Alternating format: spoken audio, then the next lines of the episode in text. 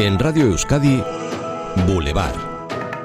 Con María Suárez. Izan ginen desastre bat Iparrik gabe koma pazar bat Zunigan tan izugan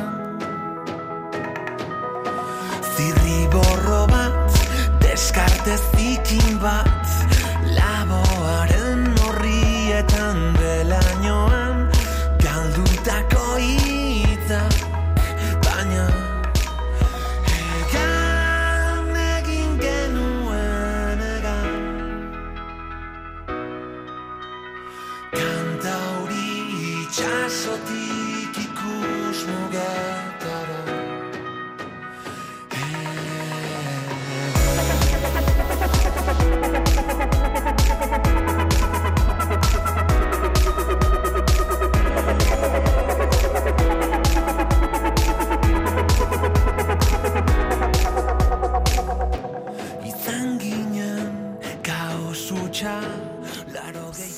10 y 6 minutos de la mañana. Hoy, como cada viernes en este verano, vamos a dedicar una nueva edición a tratar de recabar conclusiones sobre lo que hemos aprendido en, en esta pandemia en la que todavía continuamos. Eh, hoy estamos eh, con Alberto Moyano, periodista del diario Vasco. ¿Qué tal, Egunon, Alberto? Egunon, buenos días. Y con él Ilizundia, periodista de informativos de Euskal Televista. Egunon. Egunon. Bueno, pues seguro que que se- si no han adivinado de qué vamos a tratar, andarán cerca, porque sí, hoy vamos a hablar de, de nosotros, de, de los periodistas, de, de qué es lo que hemos aprendido en esta pandemia a la hora de darles eh, toda la información eh, referente al COVID, que es cierto que, que ha sido mucha. El Departamento de Salud aprueba una declaración de emergencia sanitaria. Aprendizajes de la pandemia. Bueno, pues en esta edición de Aprendizajes de la Pandemia hablamos eh, de periodismo, que es lo que hemos aprendido y continuamos aprendiendo eh, los eh, periodistas a la hora de informar sobre una pandemia que ha sido pues todo un reto y toda una, una novedad también para, para nosotros, ¿no? Eli, ¿cómo contar con rigor lo, lo desconocido? Pues ha sido el gran hándicap de esta pandemia. Sí, ha sido bastante complicado. A ver, para nosotros, bueno, la base del periodismo es contar los hechos, lo que está pasando. En este caso, primero, lo que estaba pasando, sobre todo al principio, eh, era muy difícil incluso de saber porque el acceso a, la- a las fuentes era muy complicado, con mucha gente confinada, con, las fuentes eh, también, bueno, sin saber muy bien las propias fuentes qué estaba pasando. Eh, además, nosotros, bueno, pues tenemos que confiar mucho en la información oficial en ese momento. Estamos hablando de salud y además de salud pública y entonces hemos tenido que ser más prudentes que nunca. Eh, pero mm, había un hándicap y era que la información cambiaba continuamente. ¿no? Lo que hoy era blanco, mañana era rojo, eh, cada vez había menos certezas y trabajar sin certezas pues es muy complicado. Cambiaba de hora en hora y teníamos que confiar, pues eso, sobre todo en la información oficial y después también en la opinión y en los estudios que iban publicando los expertos, pero que también ellos iban un poco sobre la marcha con el virus y si hoy decían una cosa, mañana había que contar la contraria. No se trataba de desmentir, sino de entender que todos estábamos de alguna manera improvisando, ¿no? desde ellos hasta nosotros, los gobiernos, todo el mundo yo creo que ha improvisado en esta pandemia y eso, bueno, pues para nosotros ha sido una cura de humildad también. Mm. Claro, esa manera de contar las cosas, Alberto, que muchas veces, eh, pues eh, lo que eh, habíamos dicho el lunes, el martes eh, cambiaba no porque se desmintiese, sino por esa evolución de, de ir descubriendo nuevos datos, quizás nos ha hecho sentirnos también a nosotros los periodistas en ocasiones inseguros, ¿no? Sí, yo estoy de acuerdo con lo que ha dicho la compañera, pero introduciría un elemento que es un poco la ruptura de, de los códigos que funcionan entre el emisor y el receptor. Es decir, la, eh, los medios no es que cada día dijéramos una cosa distinta, es que las fuentes, empezando por la, la Organización Mundial de la Salud y siguiendo por los distintos organismos, han ido cambiando de opinión. Mm.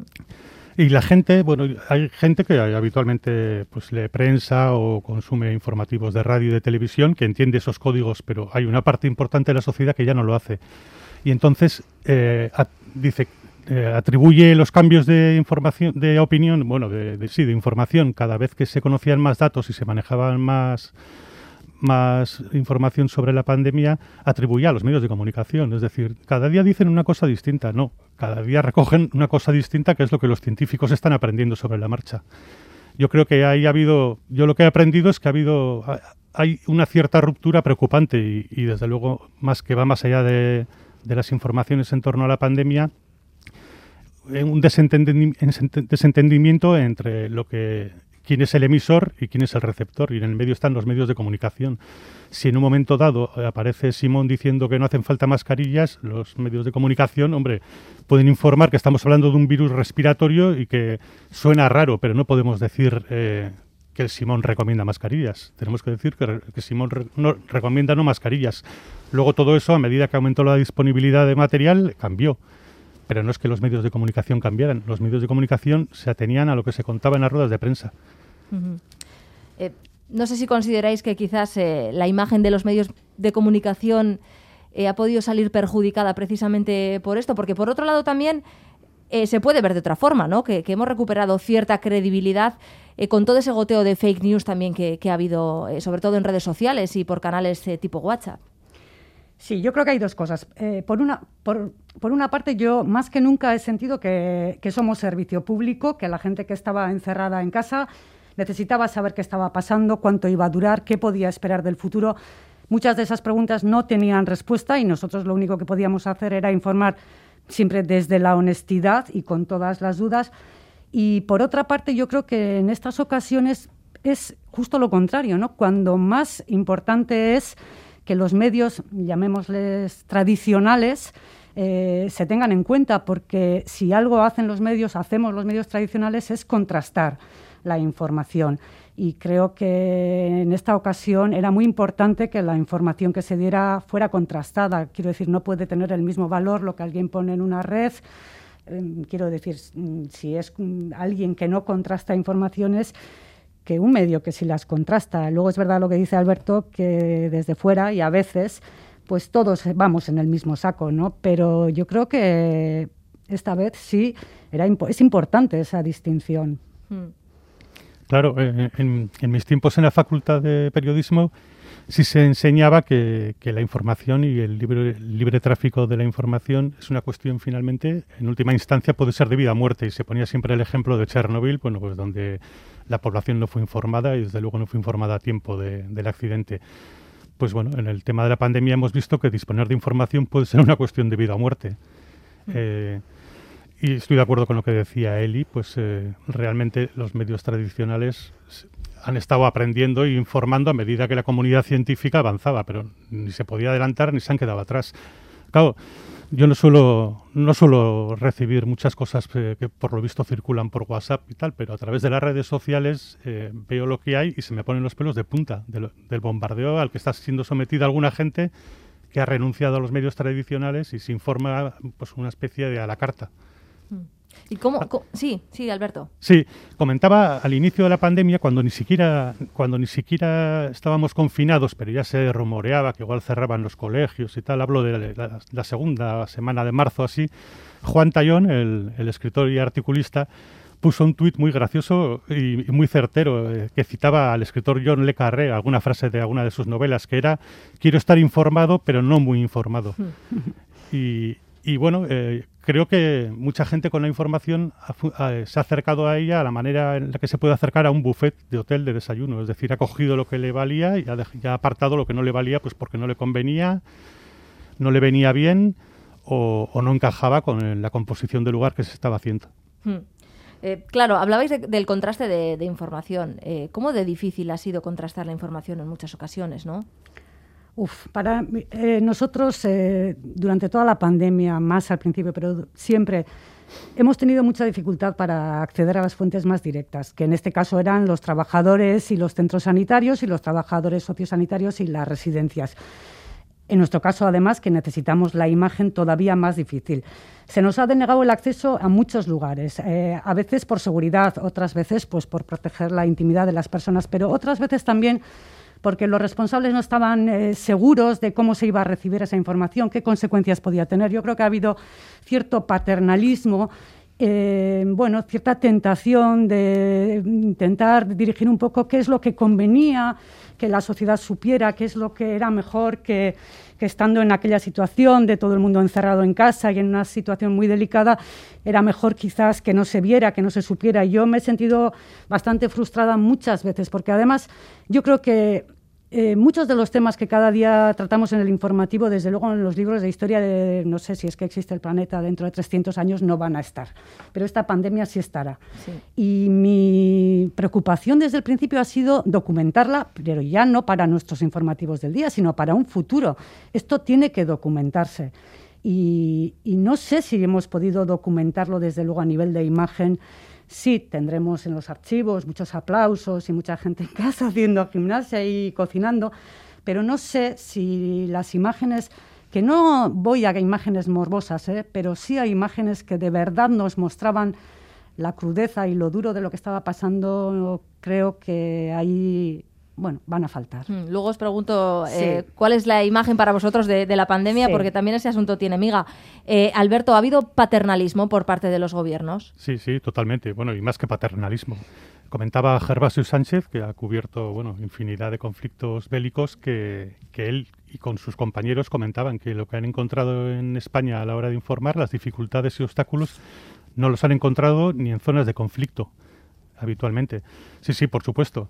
Pero ojo, que una vez más insisto en el papel del receptor, es decir, mm. tampoco, no solamente no ha exigido esas imágenes, sino que en muchas ocasiones ha opuesto, es decir, el día que se publicó en la portada de un periódico de Madrid la foto del Palacio de Hielo lleno de ataúdes, bueno, para, para mí esa foto es incuestionablemente informativa y, y, tiene un valor periodístico incuestionable, durísima, ¿eh? como pueden ser las de las guerras. Pero tenía un valor incuestionable y sin embargo hubo gente que bueno que alzó su voz diciendo que qué escándalo y tal. Es que es que yo creo que estamos en una época o por lo menos en una, era esta de la pandemia yo al menos estoy acostumbrado a que la gente pidiera más y más y más y más información sobre cualquier hecho. Y en esta ocasión me he encontrado con que ha habido mucha gente que ha pedido menos información. Hmm. a mí si me a los medios de comunicación si AstraZeneca registraba por cada millón de, inmunizados eh, cuatro casos de trombo, se nos ha acusado de crear alarmismo por informar de eso. Claro, lo que no quiero es pensar en el escenario contrario, en el caso de que los medios no hubieran informado de esos cuatro casos de trombos, porque ya se hubieran disparado todas las teorías conspiranoicas de acuerdo de silencio, pacto de, de omertá, etcétera. Ha sido difícil, ha sido difícil, pero también creo yo que la sociedad está cambiando. ¿En qué sentido? En cuanto a qué admite y qué no admite, qué quiere saber y qué no quiere saber. No, yo decía que eh, ha, habido un detalle que a mí me ha llamado la atención, ¿no? Es una, es, es, una paradoja, ¿no? Durante toda esta pandemia, con lo que comentábamos de la dificultad para acceder a los lugares, yo seguía a un fotógrafo catalán que se llama Emilio Morenati, que, bueno, haciendo un trabajo de hormiguita, cada tanto sacaba unas fotos impresionantes, ¿no? Un trabajo ejemplar. Eso es. Eh, hace dos meses o así le han dado el Pulitzer, ¿no? Eso me reafirmó en que efectivamente eso, ese es, nuestro, ese es nuestro trabajo y nuestra misión, porque el periodismo muchas veces es contar que aquello, aquello que alguien no quiere que se cuente o mostrar aquello que alguien no quiere que se muestre. Eh, le dieron el Pulitzer, eso me reafirmó en que ese es nuestro trabajo, pero la paradoja, ya termino, es que él contaba hace una semana en una entrevista que cuando el gobierno de España hizo el homenaje a las víctimas mortales del COVID eh, en Madrid, le pidieron permiso para utilizar sus fotografías. ¿no? Esas fotografías que a él tanto le había costado hacer, entre otras cosas porque esos propios, esas propias autoridades le habían impedido hacerlas y después todos las necesitaban. ¿no? Así que me pareció una paradoja, bueno, pues que muestra que es importante el trabajo que hacemos. Hmm. Eh, Alberto, te has referido a, a, que la gente hay cosas de las que no quiere saber eh, con respecto a la pandemia. ¿A qué te referías exactamente? Bueno, eh, eh, la gente, digamos que mucha gente, vaya, no todo el mundo, pero mucha gente se ha hecho un menú a la carta en el sentido, pues como, como si estuviera eligiendo dentro de las plataformas de televisión que ve y que no ve.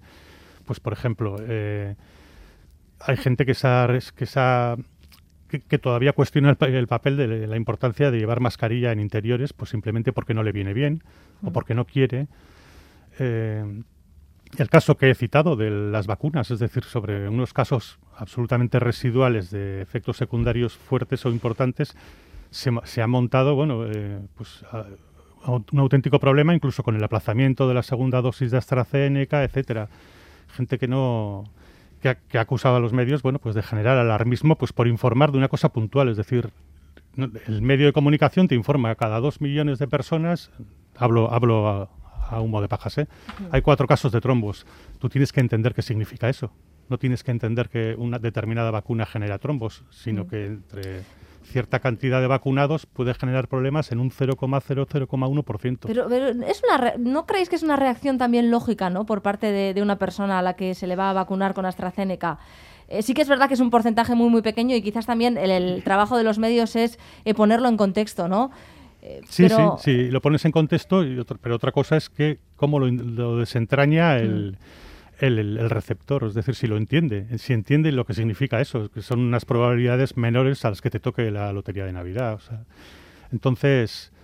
Es que el, tema de las vacunas es curioso, ¿no? Porque todos estamos vacunados de varias enfermedades en todo el mundo la gente no se plantea, sobre todo aquí, hay países en los que sí, el índice de vacunación es menor, pero aquí la gente vacuna a sus hijos, tenemos todo tipo de vacunas, nunca nos hemos planteado qué llevan, qué composición mm. tienen, si hay otras, si nos cambian, si la de recuerdo es distinta. Y no nos ha preocupado, ¿no? De pronto es verdad que quizás por esa sobreinformación eh, bueno, pues ya hemos llegado a, querer saber exactamente qué nos estaban poniendo y en qué.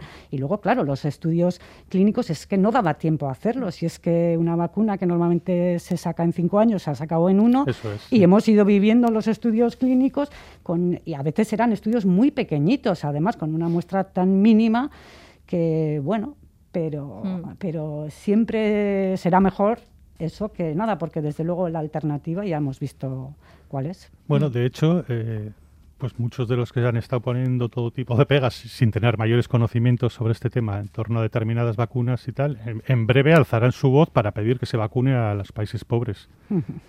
Eh, hemos sobreinformado en los medios eh, a la población sobre la pandemia, día a día, abriendo informativos con, con datos eh, que muchas veces parecían incluso parecidos. Hemos tenido también que hacer una labor eh, eh, pedagógica, ¿no? De, divulgación, de, de, hacer, de explicar a la gente y, nosotros también aprender qué es el R0, qué es la, diferencia entre la positividad y la incidencia acumulada. Bueno, son conceptos también que han sido nuevos para nosotros, ¿no? Sin duda, sin duda. Mm. Hace año y medio un periodista habitual de la sección de sociedad, mm, vamos, no, no tenía ningún conocimiento sobre pandemias, no conocía la diferencia entre mortalidad y letalidad y ha habido que aprenderlo sobre la marcha sí ha habido que hacer una, una función didáctica, pero yo creo que, hombre, eligiendo los medios de los que habitualmente te fías en otros temas, pues eh, siguiendo esos medios en los que yo creo que sí, mm. sí ha habido posibilidades de estar informado de forma didáctica y comprendiendo todos que esto era una, una información que se estaba contando en tiempo real.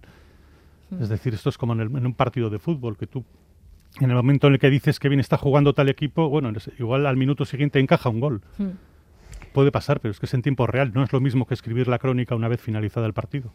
Y aquí estamos todavía durante el partido.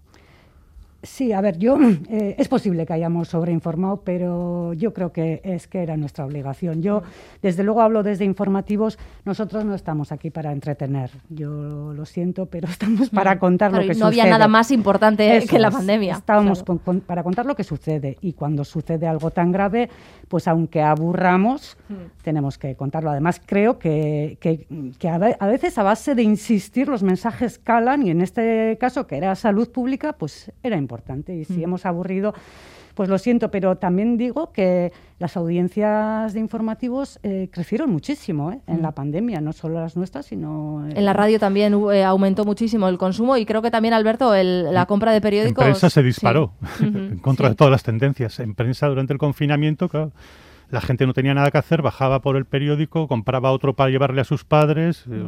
Sí, sí. Eh, la, venta de periódicos se disparó durante el confinamiento e incluso posteriormente, porque es que además había mucha información y era información nueva. Quizás la saturación ha llegado después ya con las sucesivas olas, pero, pero en un primer momento estábamos ante una cosa pues global eh, que estaba pasando en todo el mundo y que nunca habíamos vivido. Luego también los medios hemos eh, sido plataformas eh, de altavoz para eh, científicos y expertos que antes no conocíamos y que ahora casi casi son estrellas pop.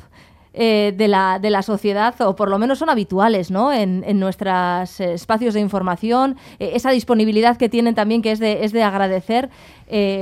hemos dado por fin valor a la, a la ciencia en, en los medios. Yo creo que sí, que, que, esta vez sí les hemos dado valor. Claro, ahora el reto es seguir haciéndolo en el futuro. Claro. Porque esto puede que termine, pero habrá más pandemias. Eh, está la COVID persistente, que yo creo que nos va a dar muchísima guerra en el futuro, pero están también el SIDA, el cáncer, las enfermedades raras, muchas enfermedades en las que es muy importante dar voz a la ciencia. Así que esta vez sí se la hemos dado, pero vamos a ver si, si podemos mantener. Sí, más allá de incluso, que es cierto lo que comenta Eli, de dar voz a los científicos y a la gente que sabe, yo me siento orgulloso y orgulloso desde, desde la contemplación, ¿eh? porque yo, de, como lector, quiero decir, porque yo no, no, he cubierto información de pandemias, me he limitado a hacer artículos de opinión cada dos semanas, etcétera.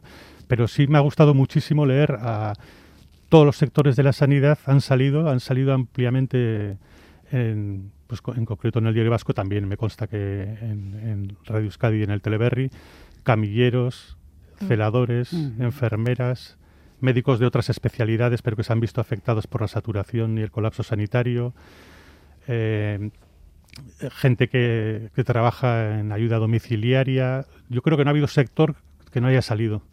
Y, y, además a mí me ha parecido muy, muy, muy interesante porque, bueno, me ha servido para realmente enterarme mucho a pie de calle lo que es desde gente que trabaja en emergencias, en ambulancias, eh, cuidadoras domiciliarias, enfermeras, mm. y toda esta gente, pues realmente, claro, ha tenido una exposición mediática que, jamás había tenido. Mm. Y luego en el otro extremo, claro, está el tema de los negacionistas. Eh, darles visibilidad, eh, cubrir sus, manifestaciones o, no dárselas, ¿no? Ha sido también uno de los grandes debates de, de la pandemia. ¿Qué opináis? ¿Qué se debería hacer? Yo de base siempre soy partidaria de dar voz. A, si hay dos partes, pues a las dos. Lo que pasa que en este caso eh, tengo muchas dudas, porque eh, aquí el comportamiento de unos pocos afecta a muchos.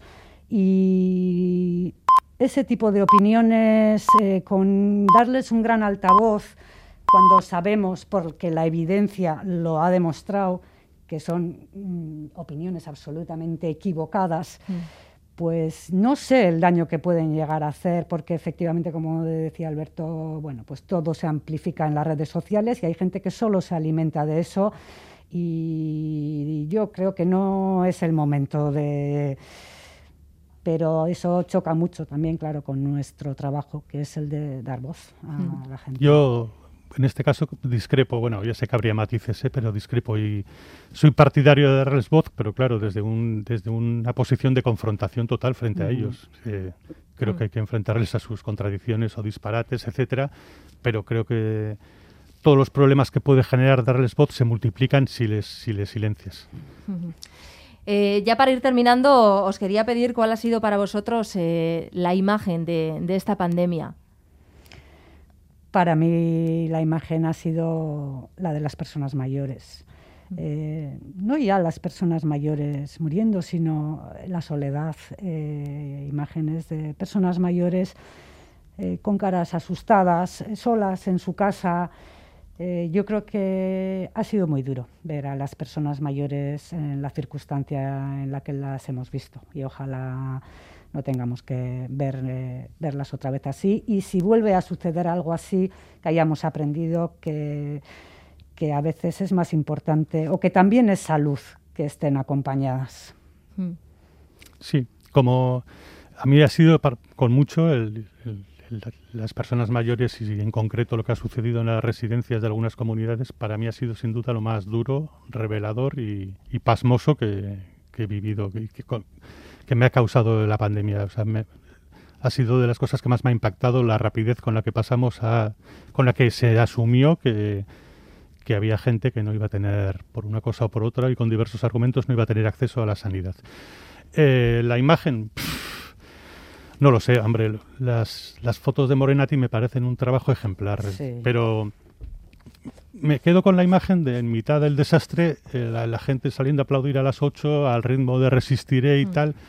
Eh, la ficción en la que, algunos se montaron, pues bueno, como recurso, como, como ficciones nos montamos todos, pues bueno, como recurso para, para sobrevivir o para sobrellevar más bien esa situación. Eh, mm. Yo temo que todas las imágenes que no hemos podido obtener sean sustituidas por la de balcones con guitarristas, el, pianista mm. tocando Imagine, etcétera. Claro, ¿y eso es bueno? No, no, para mí no. Claro. Mm. Han faltado imágenes de crudeza. Claro, pero eh, la falta de imágenes no se va a quedar en falta de imágenes, van a ser sustituidas por las que sí hay. No es un hueco que se va a quedar sin cubrir. Cuando se diga ¿qué, imágenes hay de la pandemia, de las pandemias, no hay estas, no hay de las UCIs. Bueno, pero hay estas otras. Entonces esas otras ocuparán el imaginario al que se refería él y al principio de la conversación.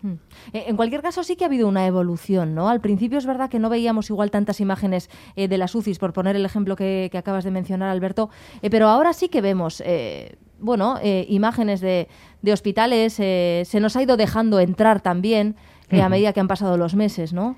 No demasiado, pero es verdad que es posible que también que los gobiernos hayan aprendido, que mm. quizás había que mostrar algo de eso para que realmente la gente no pensara que la pandemia era, pues eso, ¿no? Quedarse en casa haciendo gimnasia, ¿no? Mm.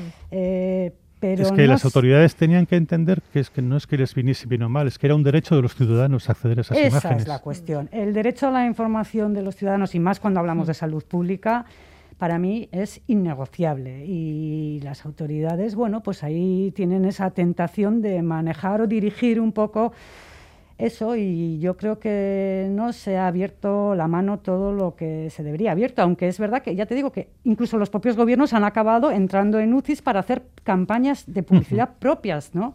Sí ha habido un toque infantilista también, ¿no? En este sentido, porque igual a UCIS no podías eh, acceder, pero en el momento en que daban de alta a un señor de 105 años que llevaba dos meses y tal, pues bueno, te echaban, te, permitían registrar imágenes de esa especie de fiesta que se montaba mm. en el pasillo del hospital y que, bueno, que, que, para mí está bien si complementa otras imágenes, pero si son las únicas que va a haber del hospital, pues bueno, incurren en un poco de infantilismo. Mm.